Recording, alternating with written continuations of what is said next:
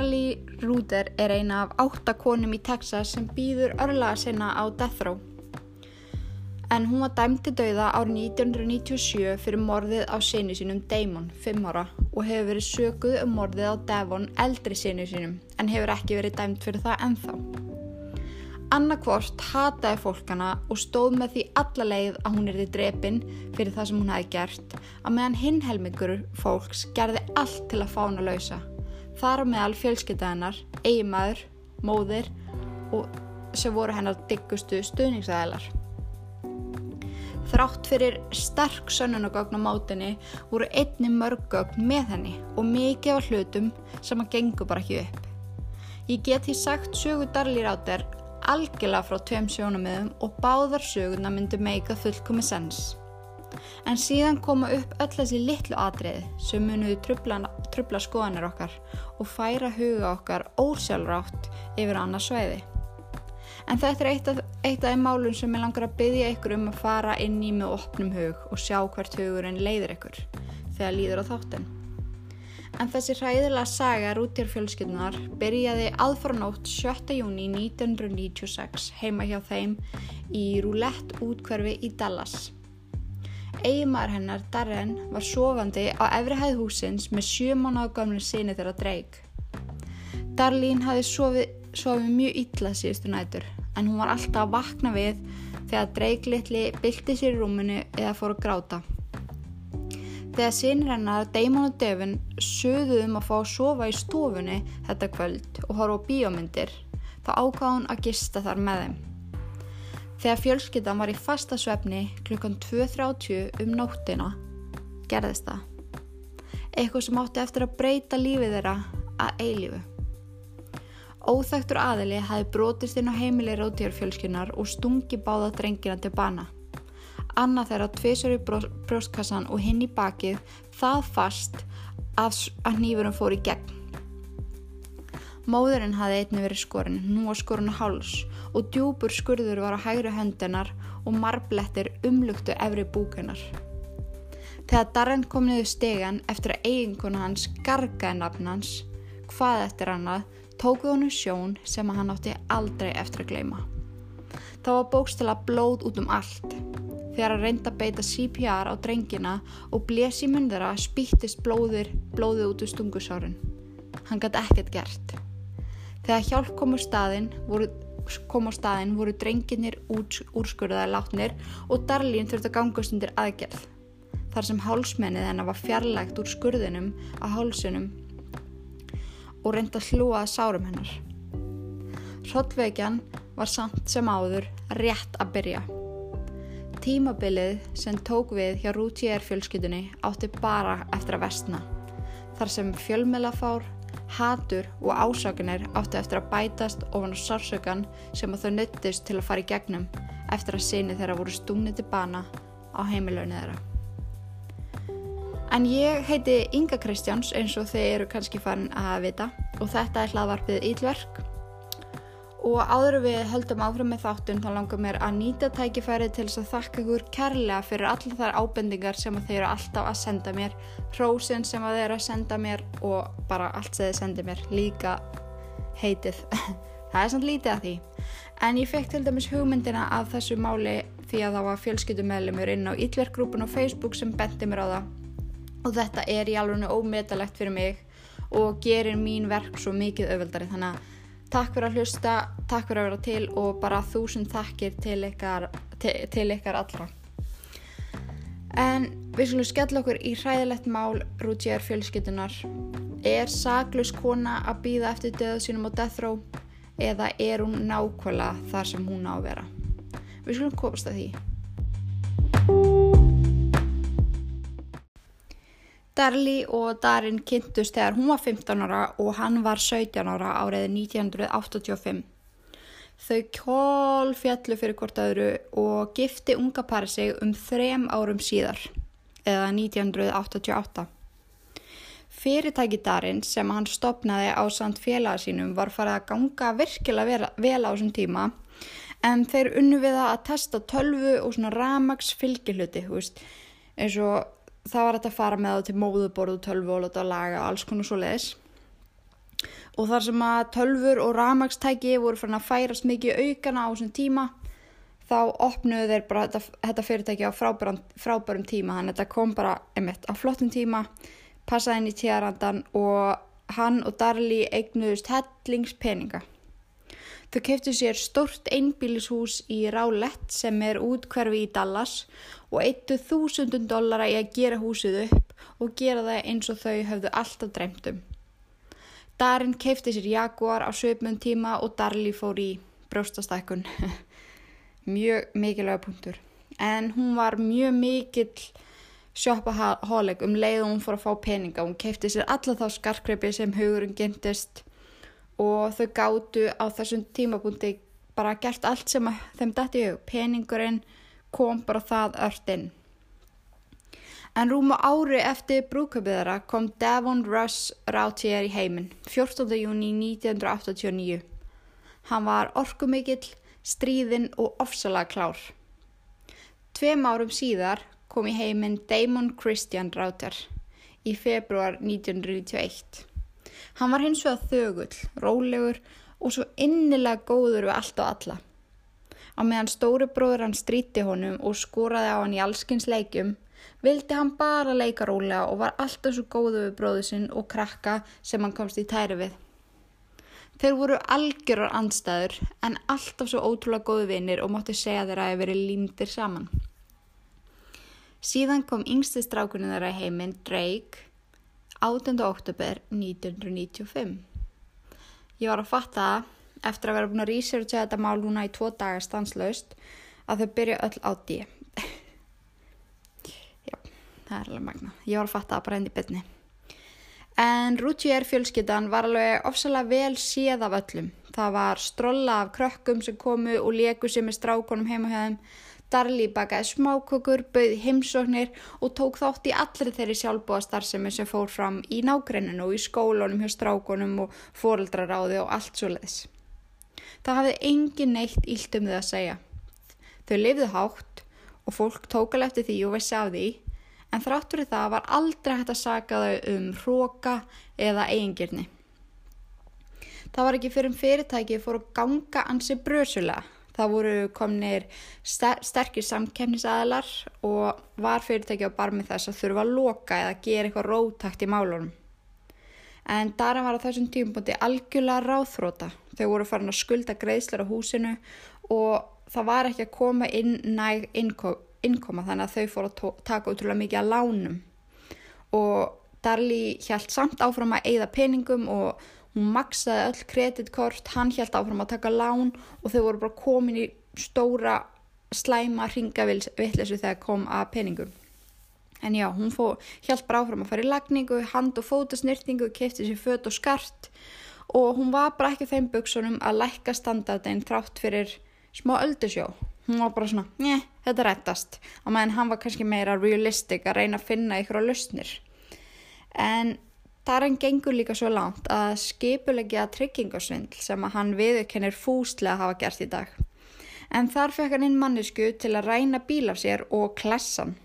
Þar sem að hann fekk peninga til að bjerga stöðinni allavega í smástund en þarna fekk hann inn, uh, oh, ég man ekki alveg hvað var mikið, en hann náði allavega að borga niður eitthvað þannig að þau voru ekki á svona deadline með, með neitt lengur.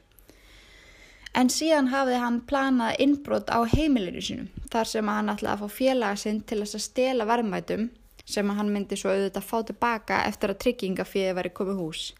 En það plan varði aldrei að veruleika að hans sögn. Það var bara eitthvað svona vangaveltur. En eins og gengur og gerist þá hafa fjárhagsáökjur oft mjög slæm áhrif á hjónabönd streyta, stress og ótti taka sinn toll og það er ekki ástæðalöysu að skilnaðir verða oft vegna fjárhags vandamála. Það er bara þannig. Ma, það veit allir hvað maður getur verið ógeðslega stressaður, þú veist, ef maður er blankur eða veit að það er stóri reikningar en spái, þú veist, það eru kannski ykkur að gangi gegna það sem eru hlusta en að hugsa sér það að skulda það mikið að þú bara sér ekki fyrir endraði það bara getur ekki verið annað en ógeðslega mikil streyta og ég skil alveg að fólk skilji út af þessu.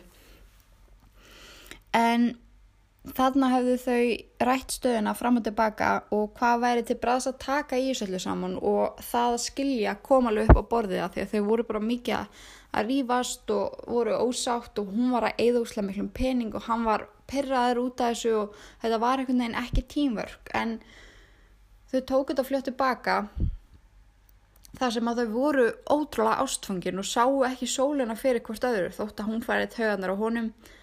Og hann á henni þá bara er það eins og gengur að gerist. En þau voru útrúlega ána með lífi sem að þau hefðu byggt sér upp og ána með strákarinn sína en þau urðu að gera eitthvað í þessu. En Darli var þarna mjög langt niðri og átt á tímabili erfitt bara að komast upp úr rúminu að bara spæði sorg og kvíða og áhegjum og hún hafði einni upplefað sér satt hérna svona fæðingaþunglindi eftir að yngsti strákur en þeirra dreik fætist en þetta var samt þannig hún gerði sér grein fyrir því og það er náttúrulega til mörg stig af fæðingaþunglindi og hún eitthvað nefn svona þau hafðu ekki áökjur að því hversu þunglindi hún var, þú veist þetta var henni fannst hún geta greitt úr tilfinningunum sinu sjálf, hún létt vita upp á sjúgrási og þetta var ekki eitthvað svona sem var að valda um sérstökum áhyggjum veist, eins og fæðingaþunglindi getur orðið alveg hræðilega slemt að fólk þarf að leggast bara inn á geðdelt þannig að þetta er mjög mismundi en þegar þetta blandaðist svo allt saman í kollinum á henni, þú veist, fjáras á, henni áhegjur, þú veist, lífstílinn sem hún var búin að koma sér upp, þú veist, þægindinn, þessi börn, hvernig ætlar hún að sjá með börnin, þú veist, hún er nýfætt barn eða þú veist, sjömannaga gammalt barn og þetta var bara ómikið fyrir hann að ráða við þetta og En hún náði samt ótrúlega vel að fela fyrir fólki hvernig henni leið. Hún skrifaði dagbókafæslur þar sem hún tjáði tilfinningar sínar og engum grunaði að brósmildu, fallegu og skemmtilegu konunni sem hún var leiði svona hræðilega illa. En Darli Ráter eða Rúter eða Rútier, hvernig vil ég segja þetta? Þau með velja. En hún var, það er ekki að neyta því að hún var mjög falleg og hún var með svona skrækaröpp og það lýsi henni allir sem bara frábærum einstakling. Þannig að veist, það var engin bara það er eitthvað aðhjána því hún faldi það svo ótrúlega vel. En þegar dagbókafæslunar hennar voru skoðar frá þessum tíma eða í kringum 1995 svona 1996 má sjá sjálfsmórðshuglegingar og mikinn sjálfshatur og uppgjöf í lífinu en ég er með dagbúkafæsluna sem hún skrifar og ég ætla því að það bara verið íslensku. Þetta er, þetta er ekki það langt en það stendur bara Devon, Demon og Drake. Ég vona að einn daginn að þið muniði fyrirgefa mér uh, fyrirgefa það sem ég er að fara að gefa. Lífið mitt er búið að vera ótrúlega erfitt í langan tíma og ég get bara ekki haldið áfram að berjast. Ég elska ykkur þrjá meira en allt annað í heiminum og ég vil ekkert annað en að þið séu heilbreyður og hafmyggjusamir please ekki hata mig fyrir það sem ég er að fara að gera og ekki halda á neittnátt að þetta sé ykkur að kenna. Þetta segir okkur það að henn hafi liðið svo miklu verð heldur en nokkur hafi hugsað sér. En átta mánuðum árum skrifar þetta kemur dreiki heiminn og nokkrundum síðar kemur upp þessi harmleikur fjölskytunar. Við skulum heyra hvað gerist eftir nokkur ár frá styrtaraðara aðla þáttarins.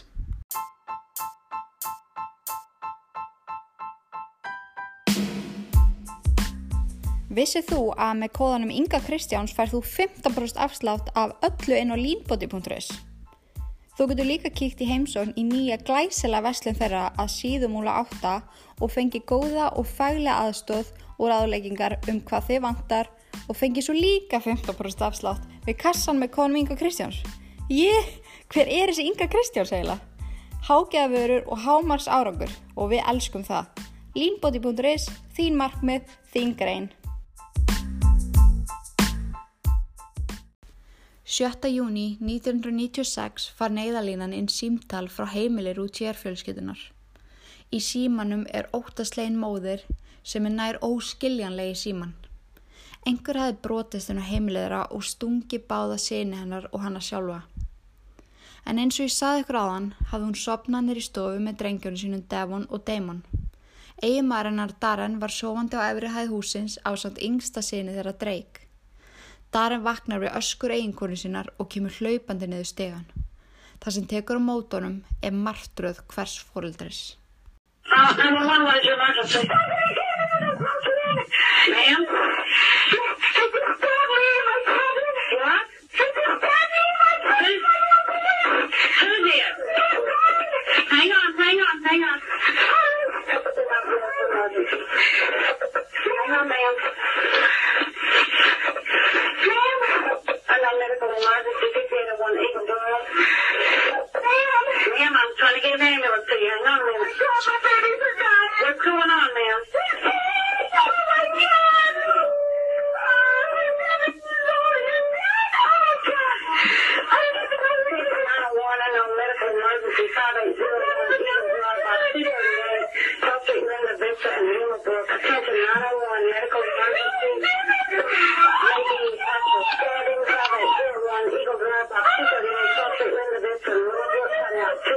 Oh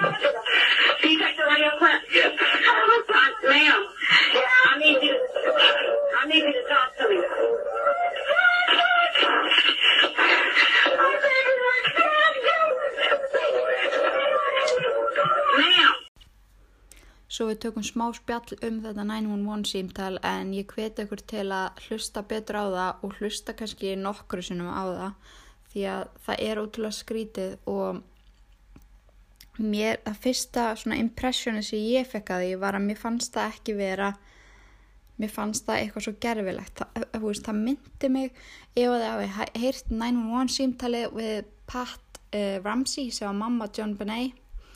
Uh, þessi símtöl minna mig virkilega á hvort annað. Þetta er svona gargandi ofleikur, það er talað um my children, uh, my children is dead, það er aldrei sagt nafnið, þú veist alveg eins og mamma John Benet sagði, hún sagði aldrei nafnið á dóttur sinni, hún sagði bara alltaf my daughter, my child, my baby. Og sama gerir hún, hún darli í þessu símtali, um, hún talar um börnin uh, sem my babies, uh, my kids, they are dead, they are dying og flakkar fram og tilbaka í nútíð og þáttíð og ok, það er kannski ekkert að dæma hana fyrir það, hún kannski veit ekki hvernig hún að haga sér, þú veist, það er ekkert hægt að reikna með því, eða veist, það er ekkert hægt að ákvæða fyrir neitt hvernig hann, veist, haga sér í svona aðstæðum, en mér finnst hún líka einbeta sér af undarlegum hlutum í þessu símtali. Hún talar um að uh, maðurinn sem að stóði við sófanum hafi lagt nýfin á gólfið og hún hafi tekið hann upp. Hún hérna segir það að fyrrabræði ég tók nýfin upp, ó nei, nú er ég búin að skemma, skemma sannhjörnagagnin, núna munum við kannski aldrei að ná honum og hugurinn hennar finnst mér persónlega að vera farin allt og langt og minnst þú vera farin allt og langt í þessari sögu en svo veit maður aldrei. Veist, maður veit aldrei hvert hugur hann fer. Kannski var hún bara all-in þarna að reyna að finna út hver gerði það. En flestir hefði verið all-in að reyna að bjarga börnunum. Bara hvað get ég gert til að bjarga börnunum mínum. Þannig að mm, það er að analæsa þetta símtal á marga vegu. Og þau verður bara að hlusta það sjálf og þau getið hlusta á texta. Eða hú veist, lesið texta svo þau veitir nákvæmlega hvað hún er að segja. Af því það er á vissum tíumpunktu svolítið óskýrt en ég bara verða við ekki en mér finnst þetta minna mér rosalega á John Benet Ramsey málið. Og ég held að það sé líkara um, því máli heldur hún að við uh, höldum og margir halda.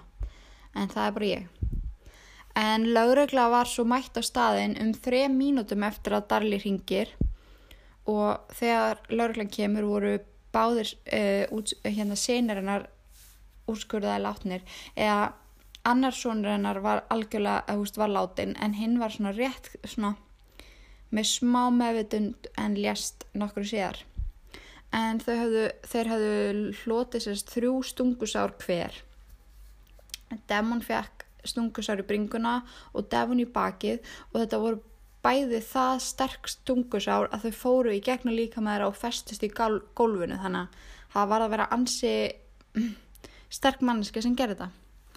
En hennar sárum var líst sem superficial eða grunnum en hún hlaut skurða háls og handlegg og setna meir komið fram hróttalegi marblettur um alla handleggina á henni. Alveg bara svona brútal handleggir bara eins og það hafi ykkur komið og krest alla hendina á henni allan hringin því þetta voru alveg bara svona svarti marblettir. En þegar Dalli reynir að útskýra hvað hefði gerst í 911 símtalinu kom það allt út í belgóbiðu en þegar það fór að líða á og sagan var skýrari þá e, var þetta svona sirka það sem að gerðist allavega eins og hún lýsir því. En hún vaknar sérst við það að Damon ítir í hana ítir í aðra hendina og hún vaknar við svona, svona þristing og hún rankar við sér sest upp í sófanum og þar sér hún mann ganga í áttina í burtu frá sér þannig að, sé, þannig að hún sér bara í baki á hann og þegar maðurinn heyrir að hún er vöknuð þá gengur hann hraðar í burtu hann fyrir gegnum stofuna og í gegnum eldhúsið og svo inn í þvóttós Darli stendur upp og eldir hann. Fyrir utan þvóttósið þá lág blóðugur eldhúsnýjur á gólfinu sem hún tekur upp og hún tekur hann upp og gengur inn í þvóttós og eftir honum. Fyrsta lagi hver í anskotunum myndi þóra því? En þegar hún er komin inn í herbyggið er maðurinn horfin á brott og hann fer sérst í gegnum glugga í þvóttáðsinu þar sem að það hefur verið skorið á svona window screen. Ég man ekki alveg hvað þetta heitir á íslensku þetta er bara svona efni sem er oft fyrir gluggum. Þú veist, í útlöndum og svona mm, að því að það er svo heitt úti en þau, þú veist, vil ekki fá flugunar einn flugnunett, að maður kalla það allavega, því ég veit öruglega hvað ég á við. En, en já, ég skrifa hérna. Sem er svona efni sem er oft fyrir gluggum á húsum til að forðast flugur. En hún hleypur svo tilbaka inn í stofinu aftur þar sem strákarnir voru, kveiki ljósið og sér þar sinni sína stór slasaða annar þeirra var dáin og hinn nær dauða en lífi svo tekur hún eftir því þarna eftir allt þetta og tekur hún eftir að hún hefði sjálf verið skorinn háls og skorinn í hendina og þá byrjar hann að öskra á manni sinn. Það var ekki fyrir þarna sem hann vaknar. Þá var þetta allt búið að gerast og hún ringi svo á neðalínuna. Darren kemur hlaupandi niður stegan og reynir strax að hjálpa strákarum sem að tekst ekki þar sem að sjárin voru bara það djúb og það hróttalega að það var ekki nokkur leið að bjarga þeim. Þegar lauruglan rannsakar svo glæpavettvang er margt sem að þeim finnst mjög skrítið við hann og það er bara óneitanlega þannig að þetta er mjög skrítið skrítin vettvangur á allan hátt og ekkert af þessu einhvern veginn make a sense. En inn í stofinni þar sem að þau þrjú voru var blóð bókstala út um allt. Eldursnýfurinn sem hafi verið notað til að stinga strákana og Darli var úr þeirra eigin eldursi sem að þeim fannst mjög skrítið og var, þeim fannst líka skrítið af hverju hún tók nýfin upp úr gólfinu og það varst líka mjög skrítið að hverju morðingin hefði skilið hann eftir á gólfinu. Þannig að bæði hann sé frá heimili heimilinu, hann, morðingin hefði skilið hann eftir á gólfinu og hún hefði svo tekið hann upp er mjög skrítið. En í kjölfarið að það kemst upp að þessi hnífur sé frá heimilinu sjálfur bara úr svona hnífa setti sem var á, á hérna eldursporinu sem maður stingur í en þá var rannsakað bara restina hnífunum og bara tekið svona svæpaðum og þar kom í ljós agnir á einum hnýpnum sem var aðeins minni. Þetta voru svona gummiagnir, eða svona gummiefni og fibers sem voru nákvæmlega sömu og í netunu sem var skúrið úr glukkanum inn í þóttáðusi. Sem var bara svona, þau komast að þessu bara svona randómli, bara hei, hvaða fiber er þetta á þessu nýja? Það er ekkert á þessu, það er bara eitthvað svona kjöt restar. Ói, bæðu veit það sem ég var að fatta þegar ég var að lesa um þetta er að sæl, maður þarf að þrýfa nývanir sína úslega vel því að þeir fundu bara fullt af einhverju kjúklingasafa á nývunum eitthvað því að maður þarf að þrýfa á vel þannig að bara koma því að en þau finna sér þetta á þessum eina nýf þessu litlu fibers og er bara hm, hvað er þetta og þegar þau fór að rannsaka einmitt hérna efnið hann í glugganum þá tengja er þetta saman. Þannig að það er strax mjög skrítið. Og það segir okkur það að sá sem gerði þetta hefur komið inn á öðrum staðhúsins stólið hníf, skori gata á netið farið og gengi frá hnífnum og farið svo út um gluggan þegar þetta var allt búið sem er rosalega langsótt. Af því að, þú veist, ef við spáum þannig ef við spáum í þessu þá getur ekki skorið þetta með hnífnum ef hann er inn í húsinu þú veist að vera að brjóta steinfattið með þannig að það verður ykkur að hafa veist, gengið frá honum eða ykkur hafi búið, eða veist, ykkur hafi gert þetta sem var þarna alltaf. Var þarna inni, sem er rosalega skrítið. Skarkgripinin hennar Darli lágu á eldurspörunu en hún var yfirleitt með, veist, tíu ringa demantsringa, arbönd öklabönd og hálsmenn og þó hún var greinlega búin að taka þetta allt af sér þetta var mörg hundru þúsund vir, krona virði og lagt þetta svona á eldursporði áður hún fór að sofa en það var ekki búið að taka neitt af þessu og það var ekkert veginn það var ekkert tekið úr húsinu og það virkaði heldur ekki svona úr stað þú veist að eina sem hefði færst til var auðvinsglas og það hefði dotti á gólfið og handröksa reyksa var hann í eldur sem hefði dotti á hliðina og þetta voru bæði hlutir sem voru svona langt frá því að vera það sem að maðurinn lágu og langt frá því að vera einhvern veginn í leið þannig að þetta ætti að vera fyrir fattiði mig. Þannig að það er eins og einhver hafi bara ítt þessu. En já, þetta var allt ótrúlega skrítið og einmitt þegar maður er að lesa þetta maður er bara eitthvað, ha, þetta, þetta er svo skrítið. En síðan finnst þessi hvíti sokkur svona tíu skrifum frá klukkanum þar sem morðingin fór út og sokkurum var sérst blóður, og það fannst á hann blóð úr Damon og Devon og á nýpnum finnst blóð frá Devon, Damon og Darli og engum öðrum. Uh, það fundust ekki eins og fingraför úr neinum öðrum. Því að, hú veist, og svo getur maður að hugsa, kannski var bara morðingi með hanska og hann hefði bara að passa sig og það meiki bara sens að því hann er búin að stinga þau þrjú og þetta finnst þá blóð úr þeim þrem og hann var með hanska. En það sem lauruglu fannst líka skríti var að það var ekkert far á gólfinu þar sem nývinurinn átti að hafa leið því að Darli segist að það var tekið hann upp af gólfinu fyrir framann þóttáðarstörnar eftir að hérna morðingin hendur hann í gólfið að missir hann eða eitthvað svo leiðis en þá var búið að nota hann til að stinga þrjá, þrjá á gólfið að ég, þú veist, kannski ekki far heldur bara svona drips af blóði, þú veist, hann var all blóðuð nýfurinn sem að er ótrúlega skrítið að pæli. Darli var strax settindu smásjá og margir hverjir telli hann að seka. Mjög stutt eftir þetta gerist allt saman og það er talað að hún hefði verið svonu sínum að banna og hafi síðan skada sjálfa sig til að bara hafa betri og trúverðulegri sögu. Um, ef ég má bæta mér persónulega matin í þetta og líka hef ég séð þetta á mörgum spjallsíðum um þetta en, en það er actually til síða sem heitir bara Save Darlie og það er bara hópur fólk sem að vill fá hún að lausa að því að hún áli hjút stuðningslið af fólki sem er að reyna að finna allt til þess að þetta frelsan og fangja sig. En mér finnst erfitt að trúa því að hún hafi skadið sér sjálf. Um því að það munaði 2 mm að nýfurinn hafi skorað hana þannig að háls að hún hefði látist. Og veist, hvernig átt hún að gera þess að marbletti á sjálfa sig veist, það verður bara viðkennast að, að það er bara hálf ómögulegt og ég hlustaði um daginn á hérna Crime Junkie þáttu um þetta mál. Og mér er svo góða punktur sem að Asli kom með en en hérna ég mæli með að hlusta þá þátti, þætti ef að þið hefði gaman að true crime, það eru alveg frábærar. Sæki oft innblástur í þá þætti. En hún segir að þú veist, manni finnst hérna 2 mm svo lítið. Og eða mikið, maður mað kannski átta sig bara ekki alveg á því hversu mikið það er.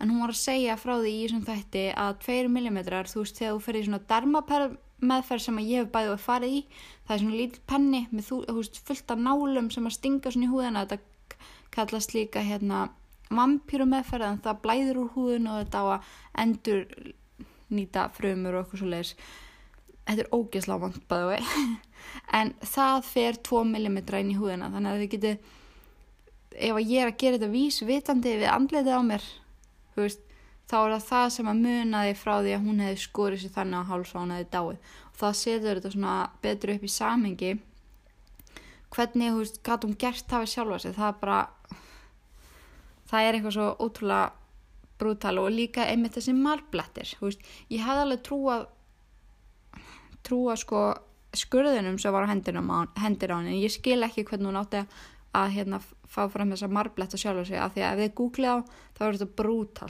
Þetta er bara eins og hún hefði klemt sér bara á öllum líkamannum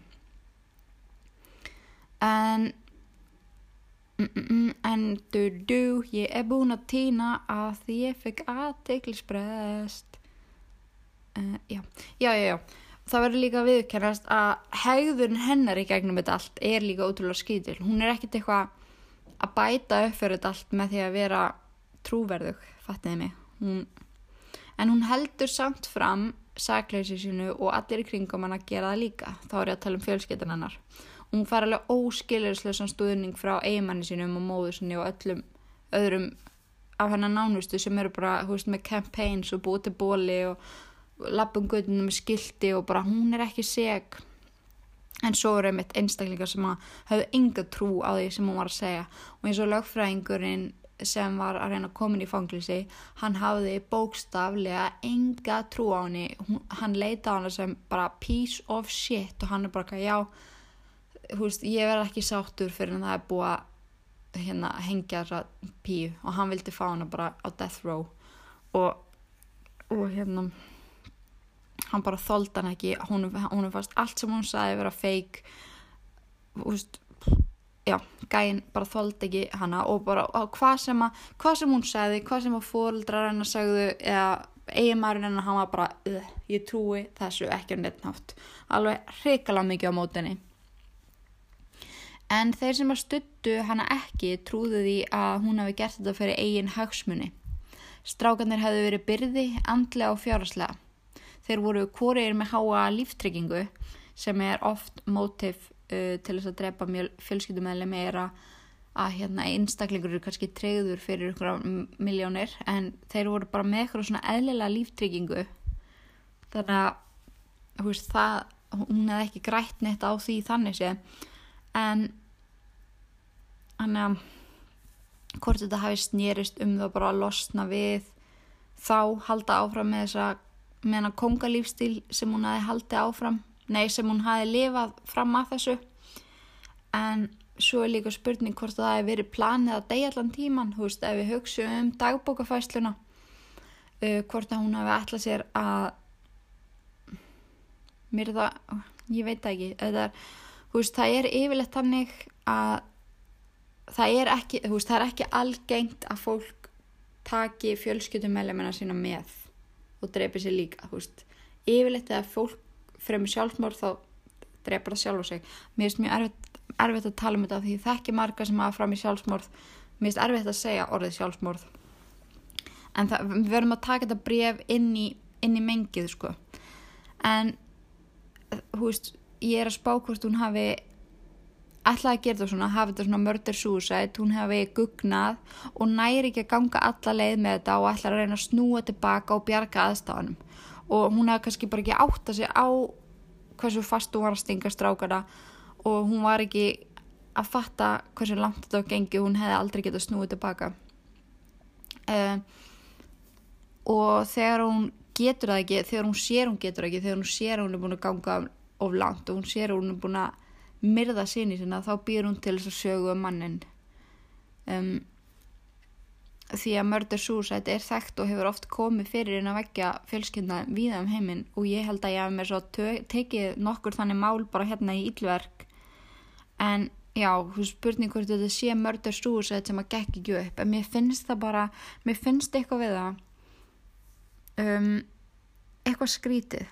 Mér finnst ótrúlega skrítið að þessi litla kona hafi getið stungið séni sína bara í gegn. Fattiði mig, þú veist nýfunum festist í gólfinu. Það, veist, mér finnst það eitthvað neginn svo skrítið á meðan ég trúi samt ekki á neittnátt söguna með hennan mann þarna sem átti að hafa flúið í gegnum gluggan þetta er svona mál sem að perra mann svo mikið því að það eru engin svör og það er óþægilegt og umlegt en laurugla og önnur yfirvöld voru það viss um að hún væri seg að henni var veitt eftirfur á ofinbæra staði sem er mjög, mjög, mjög ólöglegt, það er bara þannig. En þeir voru alveg vissum að ef þau myndu að gera það, þá myndu þeir ná á hana einhverju hérna sem geti komið inn í fangilsi. En átt á dögum eftir morðin og degi eftir að strákarnir voru jarðsettir hefði Devon orðið 7 ára gamall og það var búið, þetta er svo sorglegt, það var búið að senda út ammalis invite í ammalið hans. En fjölskyldar hans fóra leiðinu, heyrði í öllum sem að þeir voru búin að bjóða og buði þeim að leiðinu í staðin til að fagna ammalinn hans. Og það var skreita með blöðurum, kertum og gjöfum, gjöfum sem var búið að kaupa handurum og pakka inn sem hann átt að fá. En þar meðal var móður hans sem var enn að jafna sig um, eftir aðgerðna sem hann var búin að vera í. Og á vídjónu sem að lauruglan tegur upp sést hún spröyta svona silly strings alla leið, nei yfir leiðið. Um, og þetta er bara ekki gott vídjó, þetta er ekki gott vídjó fyrir hana og ekki neitt því að hún brosir og hlær og jafnla svona gett pirrandi svona á teikjáinu sinu og á andleti hennar er þessi viðurstyggilega pirrandi svipur sem að maður svona ósjálfrátt dæmir hann af hún virkar einhvern veginn null eins og niðurbróti móðir sem hefði gengið í gegnum þessar hrollveki en það er talið að þessi tiltakna upptaka um, af henni hafi klálega verið síðasti naglinn í kistunennar um, síðasta stráið sem að fekk fólk til að taka það ákvörðunum um að hún ætti heima bak við lás og slá. Ég er að segja ykkur það þegar þið sjáu þetta vídeo að, að hugsa sér að þetta er daginn eftir að þeir voru jarðaðir strákanir, þetta er 8 dögum eftir að þeir voru myrtir, hann á hann að ammali, það er búið að senda út bóðskort í ammali hans, það var gert áður að þið dói, það var búið að kaupa gafir, um, hún er ennþá með, veist, sá, veist, sárabindi út um alltaf því hún var skorun á háls. Hún er nýbúin að sjá seni svona drefna og hún þú veist ég get bara ekki ímynda með hvernig hún getur staðið hana og, og verið brosand og hlæjandi með silly strings og ég veit það ekki. En svo náttúrulega verður maður alltaf að setja inn í dæmi að fólk er að reyna kannski að vera stert og maður veit ekki hvernig fólk bregst við svona hlutum en ég veit það ekki. Veist, ef ég hugsa til dæmis um sjálfa mig þá, þá dó pappi minn úr sjúkdómi 2015 og mér finnst enn í dag erfitt að fara að gröfin hans. þú veist ég veit ekki hvort ég myndi meika að vera eitthvað að spröyta gumin almáttu, nei. Samt þú veist já, ég, já, einmitt.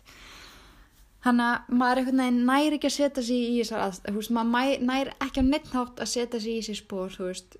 Um, og allir breyðast náttúrulega við á mismundi hátt þannig að maður vill auðvitað ekki vera að, að dæma en það er ekki að, að segja hann nema að þetta sé svolítið uh, skrítið Then, on what would have been Devon's seventh birthday, there at the graveside, Darley spraying silly string. I was in disbelief.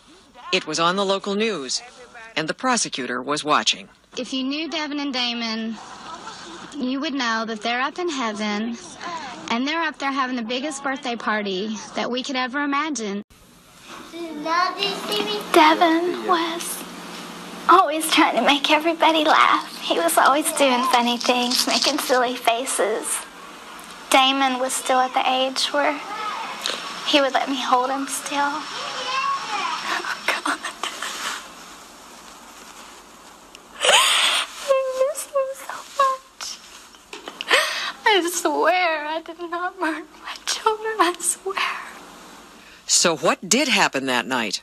Darley and I discussed it earlier. What woke you up?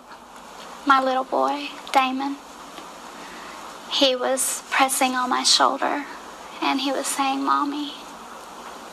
I sat straight up when he said that. And I saw the guy starting to walk away from me. Her neck wound is still visible, yet she has no memory of the attack. At trial, Even Darley conceded it would be hard to sleep through it. I know I didn't sleep through that. I mean, how would anybody sleep through something like that? But yet you say you don't remember. But I don't remember. Can you imagine waking up out of your sleep with a man attacking you? Well, what do you think happened then if you can't remember but you don't think you slept through it? I think that I tried to fight with a man, and I think that he either knocked me unconscious, or I think that when, you know, he slit my throat or whatever, I think I um, passed out. The prosecution made much of Darley's inappropriate behavior. For instance, the first policeman on the scene testified Darley didn't seem concerned about Damon. He's got his eyes open and he's trying to breathe. Um, I told her that she needed to help him, but she just wouldn't help him. That's a lie. There's no other words to use. That's a lie. She says she comforted Damon. I told him to hold on. I told him to be strong. And he said, okay, Mommy. And he shook his head. That was the last words I ever heard him say. The prosecutor says here is a woman who was depressed, gained weight, postpartum depression, behind in the mortgage, uh, financially strapped. I was a normal person just like anybody else. A normal mother that has normal, you know, just normal like everybody else, doesn't go to sleep, and all of a sudden just snap and become a psychotic maniac killer. She's as, as cold-blooded as any person I have ever talked to, and I've spoke to a lot of cold-blooded people. Bill Parker, a veteran interrogator who tried without success to get a confession out of Darley. He insists she did say repeatedly, If I did it, I don't remember. You did apparently say during that interview with the policeman that if I did it, I can't remember. No, I did not. I never said that. Psychopathic. Person with absolutely no shame, no guilt, no remorse, no human compassion. If I had done this to my children, I would be the first person to stand up and say, Oh my God, I need help. What have I done?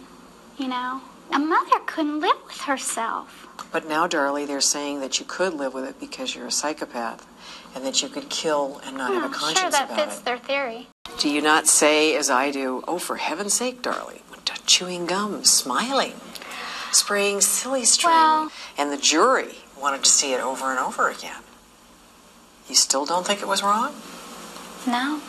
Maybe it's not the way that everybody would choose to do. But I can guarantee you the last thing a guilty person would do was to do that. Your husband's mother said to me, You said to her, Wouldn't you want to see the person who did this die? Do you remember those words? I do. And I still feel that way today. But if it's you who dies, I know the truth. I know what really happened. I know that somebody else did this. So if I'm put to death, I'll leave this world with a free conscience.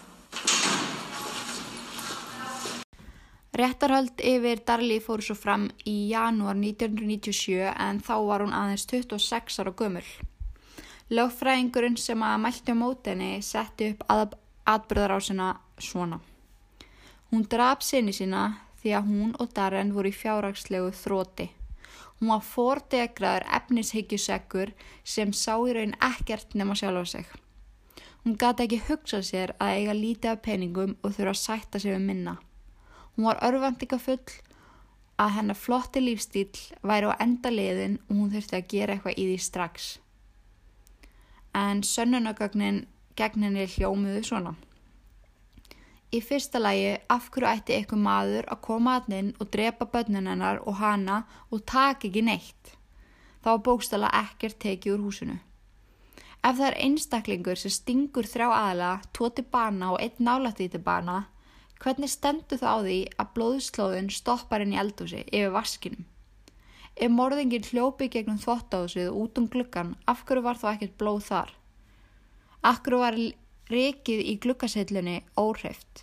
Af hverju var ekkert sem gaf til kynna fyrir utan gluggan að það hefði verið stíið og stíði þar út og hvað þá manneskja sem var alblóðu og virtist einni hafa flýttið svo mikið að hann misti sokkin sinn sem fannst þarna, by the way, tandurreitt, skennakvítur með tveim litlum blóðblettum úr strákanum, sikkunum stráknum. En þetta er alveg ósalega skrítið að maður spári þessu svona. Af hverju var ekkert blóð á staðnum þar sem Darli hafði segist að tekið upp nýfin eftir morðingjan? Og af hverju skildi morðingin nýfin eftir á gólfinu? Hvernig stendur á því að netið úr glukkanum var skorið með nýf úr nýfasætti fjölskyldunar og var svo komið aftur á sama stað? Í rauninni gengur þetta ekki upp á neitt hátt. Og eins og margir sögðu um Darli, annarkvort var hún hellað góð leikona eða saklus því að hún hjælt sakleysinu sínu fram fram í rauðan döðan. Þegar Guðdómur sá svo vídjóið af henni með tyggjóið að spröyta sillistrings á leiði nýláttins svona síns, tókuði ákvörðin. Kviðdómur baðum að fá að horfa á vídjóið aftur og aftur og í heildina var hortuð á 11 sinum og var Darli dæmt til dauða fyrir morði á Damon þann 4. februar 1997. Maður spyr sig, af hverju var hún bara dæmt fyrir morði á Damon? En ástæðan fyrir því var að lögfræðingurinn hennar var með svo mikla áhugjur að ef skikkinni að liðið hans myndi tapa málinu þá vildu það hafa hinn svonin til vara. Uh, já, hann þóldi þessa konu ekki og hann ætlaði sér ekki að tapa. En ef hann skildi tapa þá vildi hann hafa uh, plan B og það var hinn sonurinn. Því að þau voru staðræðan í því allar neglana og ef þau gáttuð ekki fyrstu tilraun þá ætlaði það að reyna aftur þess vegna stendur alls þar að hún sé dæmt fyrir eitt morð og hvergin eitt um hitt því að liða mótinni vannmálið og hún fór á death row það eru enn í dag ótrúlega margar vangaveltur yfir þessu. Konan sittur ennþá í fangilsi og heldur fram á hansi saklaus.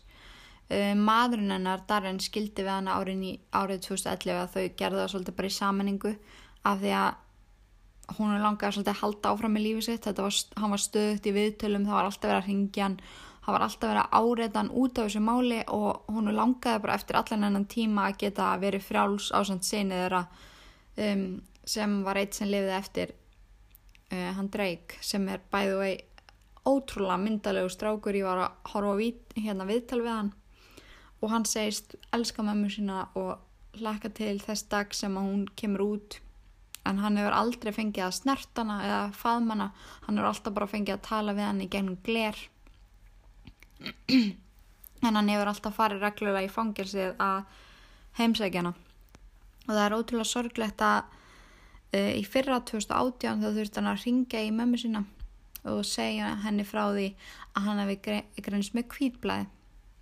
En hann er búin að vera gangi gegnum livjagjöf núna og er laus við kvítblæðið en hann er búin að vera mjög veikur og hann er aðeins 19 ára gamall sem er alveg magnað. Þannig að það ætlar ekki að þessari greið fjölskylda að ganga en hann er ótrúlega myndalegu strákur og vonandi gengur honum bara vel en hann og pappans eru mjög nánir og, og búa saman. Um, já, þannig að hann, þau skilja þannig, hún skilur það alveg. Um, en það er líka talið hafa tröfla mál, uh, máli hennar Darli sem er mjög áhugaverð punktur að Susan Smith sem að þið hafa öruglega mörg heyrtum um, sem að það er sérst mál sem gerðist nokkrum árum áður, nokkrum árum áður en að það gerðist. En ef þið þekki ekki þá er það móðir sem kerði með börnin sín út í sjó og bjergaði sjálfur sér og kom svo með algjöran bara Grammy stjörnuleik eftir, eftir á hjælti fram að það er maður rænt bilnum hennar og vá ég var að taka það máli eitthvað til mann maður. Ég er búin að vita um það ógeðslega lengi. Sæl, það er hugmynd. Það skrifaði hjá mér. En það er eitt fókt upp mál, það er en húst, hún er, sagt, hérna, er með þýlikan stjórnuleik heldur í fram að bílum hafi verið rænt og svo viðu kennur hún allt saman. Þannig að fólk gerði bara svona ráð fyrir því að þetta væri sama sagan með Derli þannig að það hefur klárlega ekki hjálpa málinu að þetta gerði svona stutt á undan. Fólk held að hún væri bara að reyna að halda fram saklið sínu sé að myndum brotna og gefast upp og, og hérna og játa. Þannig að þetta hefur klárlega haft sitt að segja. Að þetta sé bara hinn nýja Susan Smith þess tíma en en það er ansið líklegt að hérna, já, að þetta mál hafi litað þetta mér það allavega. Og fólk að hugsa bara, oh, ein klikk og mamman sem að sér börnin sín sem fyrirstöðu af því en það er bara þannig að oft horfa mæður uh, á börnin sín sem fyrirstöðu og það þarf, endilega, það þarf ekki endilega að enda svona. En það, að ég, ætla ekki út í þetta. Ég er ekki móður, ég er ekki með móðulegt eðli þannig að ég get ekki I can't say shit. Um, en þetta er bara allt svo undarlegt því að Darli hafði aldrei komast í kastulögin hún hafði alltaf verið í þokkalögu svona andlega jafnvægi. Það var aldrei, hún átti enga sögu um eitthvað svona erfiði nema þetta fæðingaþunglindi með litla strákin sem að þau voru ekki menninar ágjur af. Og það var ekkert sem að bendi til þess að hún hefði verið slæmnan mamma á neittna átt, hún var alltaf ótrúlega góð við hérna við strákana, hús leik við á bakaði kökur fyrir nágranna, tók þátt í öllu og var einhvern veginn bara svona til fyrirmyndar. En þetta er klálega eitt af þeim málum sem að hefur engan endi. Þetta er ekki cold case þar sem að það er enþá verið að vinna í þessu máli og í rauninni er það eina sem gefur okkur von um að það verði eitthvað tíma leist er að tæknin verði það góð að það verði hægt að sanna þetta á svörtu og hvítu en það er enþá verið að rannsaka á fullu alls konar DNA, síni og, og svo leiðis þannig að þetta er alls ekki cold case. Og hún er nýbúin að fara í viðtal uh, við ABC, nei BBC já BBC ABC uh, lítur vel út kallingin. Uh, ég veit ekki það er ekki enþá búið að setja uh, dag fyrir hérna aftöku hennar af því að það er enþá verið að rannsækja þetta. Þannig að hún er bara búin að vera þannig í hvað, 22 ár. En ég er mjög forvitin, hús, hvað finnst ykkur? finnst ykkur líklegt að hún hafi stungið drengina? Það fast að nýfurum festist í gólfinu undir þeim. Hún hafi farið og skorað á netið í klukkanum með eldursnifnum farið svo að skila honum hrind vinglasinu og brotið það á teppalögðu gólfinu hrind ryggsugun á kvolf farið með sokkin út í garð og skorið svo sjálfa sig á hals og lamið höndunum utan eitthvað til að fá sér hottalegu marbletti og hringt svo neðalínuna finnst ykkur þetta líklagt eða var það eitthvað sem bröstinn stakk þau all skar á netið náða að smegja sér það smúð? Út að hann hreyði ekki við neinu klíndi engu blóðin einn staðar gekk frá nýpnum eftir sig áður hann smeði sér út úr glukkan skildi morvapni eftir á gólfinu og fór án þess að taka nokkuð skapaðan hlut. Finnst ykkur þetta meika eitthvað meira sens? Nei, þetta meikar kvorugt sens. Þetta er bæði fáralegt það er bara þannig. Það er eitthvað við þetta sem er mjög iffi og úst, ég verða að segja það en getur verið þessi þriði aðil í þessu? Af hverju var til dæmis aldrei grunað pappan hann var eitthvað neginn strax bara útilokaður. Bara, já, hann, hann var ekki í þessu. En ég get bara ekki hægt að pæli því hvað mér finnst þetta líkt John Benet Ramsey málinu uh, í því málinu alltaf fór enginn í fangilsi af því að það var bara, ég veit ekki þau fóru bara ekki í fangilsi, þau voru ríkt fólk, maðurinn var mjög svona hátt settur í bænum sem þau byggi þau voru mjög ríkt fólk líka hérna Darlene og Daron. Allir það hefur verið eitthvað mér finnst, mér finnst eitthvað skrítið við þetta. Mér finnst mjög ólíklegt að hún hafi gert þetta allt saman einn ég verð bara að kenna er, eru ykkur að líkur á því að pappin hafi gert þetta? Þetta hafi farið úr böndunum. Um sé að hann hafi jafnvel stungið strákana. Um gert þessi gert þessi sára á hana skorið hana ekki átt að sjá hvað hann var að rista djúft eða eitthvað svo les getur það passað? Að þau hafi sviðsett þetta saman upp á peninga að gera? Mér finnst það allavega mér finnst alveg magnað að það hafi ekki verið skoðað meira. Af því að það sem að færi mig líka til þess að halda að hann sé partur á þessu er hvað hann á einhvern veginn ég ætla ekki að segja erfitt með að tala um þetta en það er til dæmis vídeo af honum nokkrum árum eftir þetta gerist þar sem hann fer inn í húsi sem þið byggu, byggu í sem var búið að þrýfa og rýma náttúrulega og hann er að sína hvar þau lágu, hvernig hann hérna, gerði hitt og þetta. Mm, hann heldur í ennþá fram í dag og hún sé saklas, hann segist elskana, er samt búin að skilja við hana. Vist, hvað finnst ykkur um það, þú veist þetta er algjörlega að gera mig brjála að finna ekki neina lausn í þessu en mér finnst uh, hvorugsagan meikasens um, ég held að það sé ekki séns í helviti að það er komið ykkur inn og ekki tekið neitt og bara drepi tvo litla stráka og stungi, mér finnst það bara ekki megasens og mér finnst ekki megasens að hún hafi gert þetta einn ég held að það hafi ykkur verið með, í, eh, með henni í þessu og mér finnst í alvörunni pínu sennilegt að það hafi verið pappin og þau hafi planað þetta saman. Þau hafi ætlað að ná sér í peninga á eitthvað nátt en svo spáum maður því að strákanu voru ekki líftreyðir eitthvað það mikið. En Darli var það. Þannig að það er þetta veltið svo endalust fyrir sér. En ég er náttúrulega hérna treyst á það að þið opni spjallráð eða ég og við ræðum um þetta. Mér langar ógeðslega mikið að vita hvað ykkur finnst þar sem að það var fjölskyldumedlemur sem bendi mér þetta á þetta mál. Þannig að sá medlemur hefur örgulega ykkur skoðun á þessu. Þannig að ég get ekki beðið. En uh, já. En eins og er er þetta eitthvað sem við munum ekki fá að vita. En þánga til verðum við að gíska eðunar og vona að Devon og Daimon fái sitt réttlæti. Og Darli býður til döða sínum á Death Row en hún er búin að vera þar í 22 ár eins og ég sagði og það er verið að skoða þetta en þá fullu. Og við verðum bara að býða rólega, fylgjast með og ræði þetta út í rauðandóðan en ég held að við segjum þetta gott að þessu sinni. Takk kellega fyrir að hlusta. Takk fyrir að vera til eins og ég segi ykkur alltaf. Þakkið mömmu ykkar fyrir að fætt ykkur í hennan heim. Og í Guðanabænum forðust öll ítlverk nema þetta podcast. Verðið sæl. Oh, yes, Jesus loves me the Bible. Tell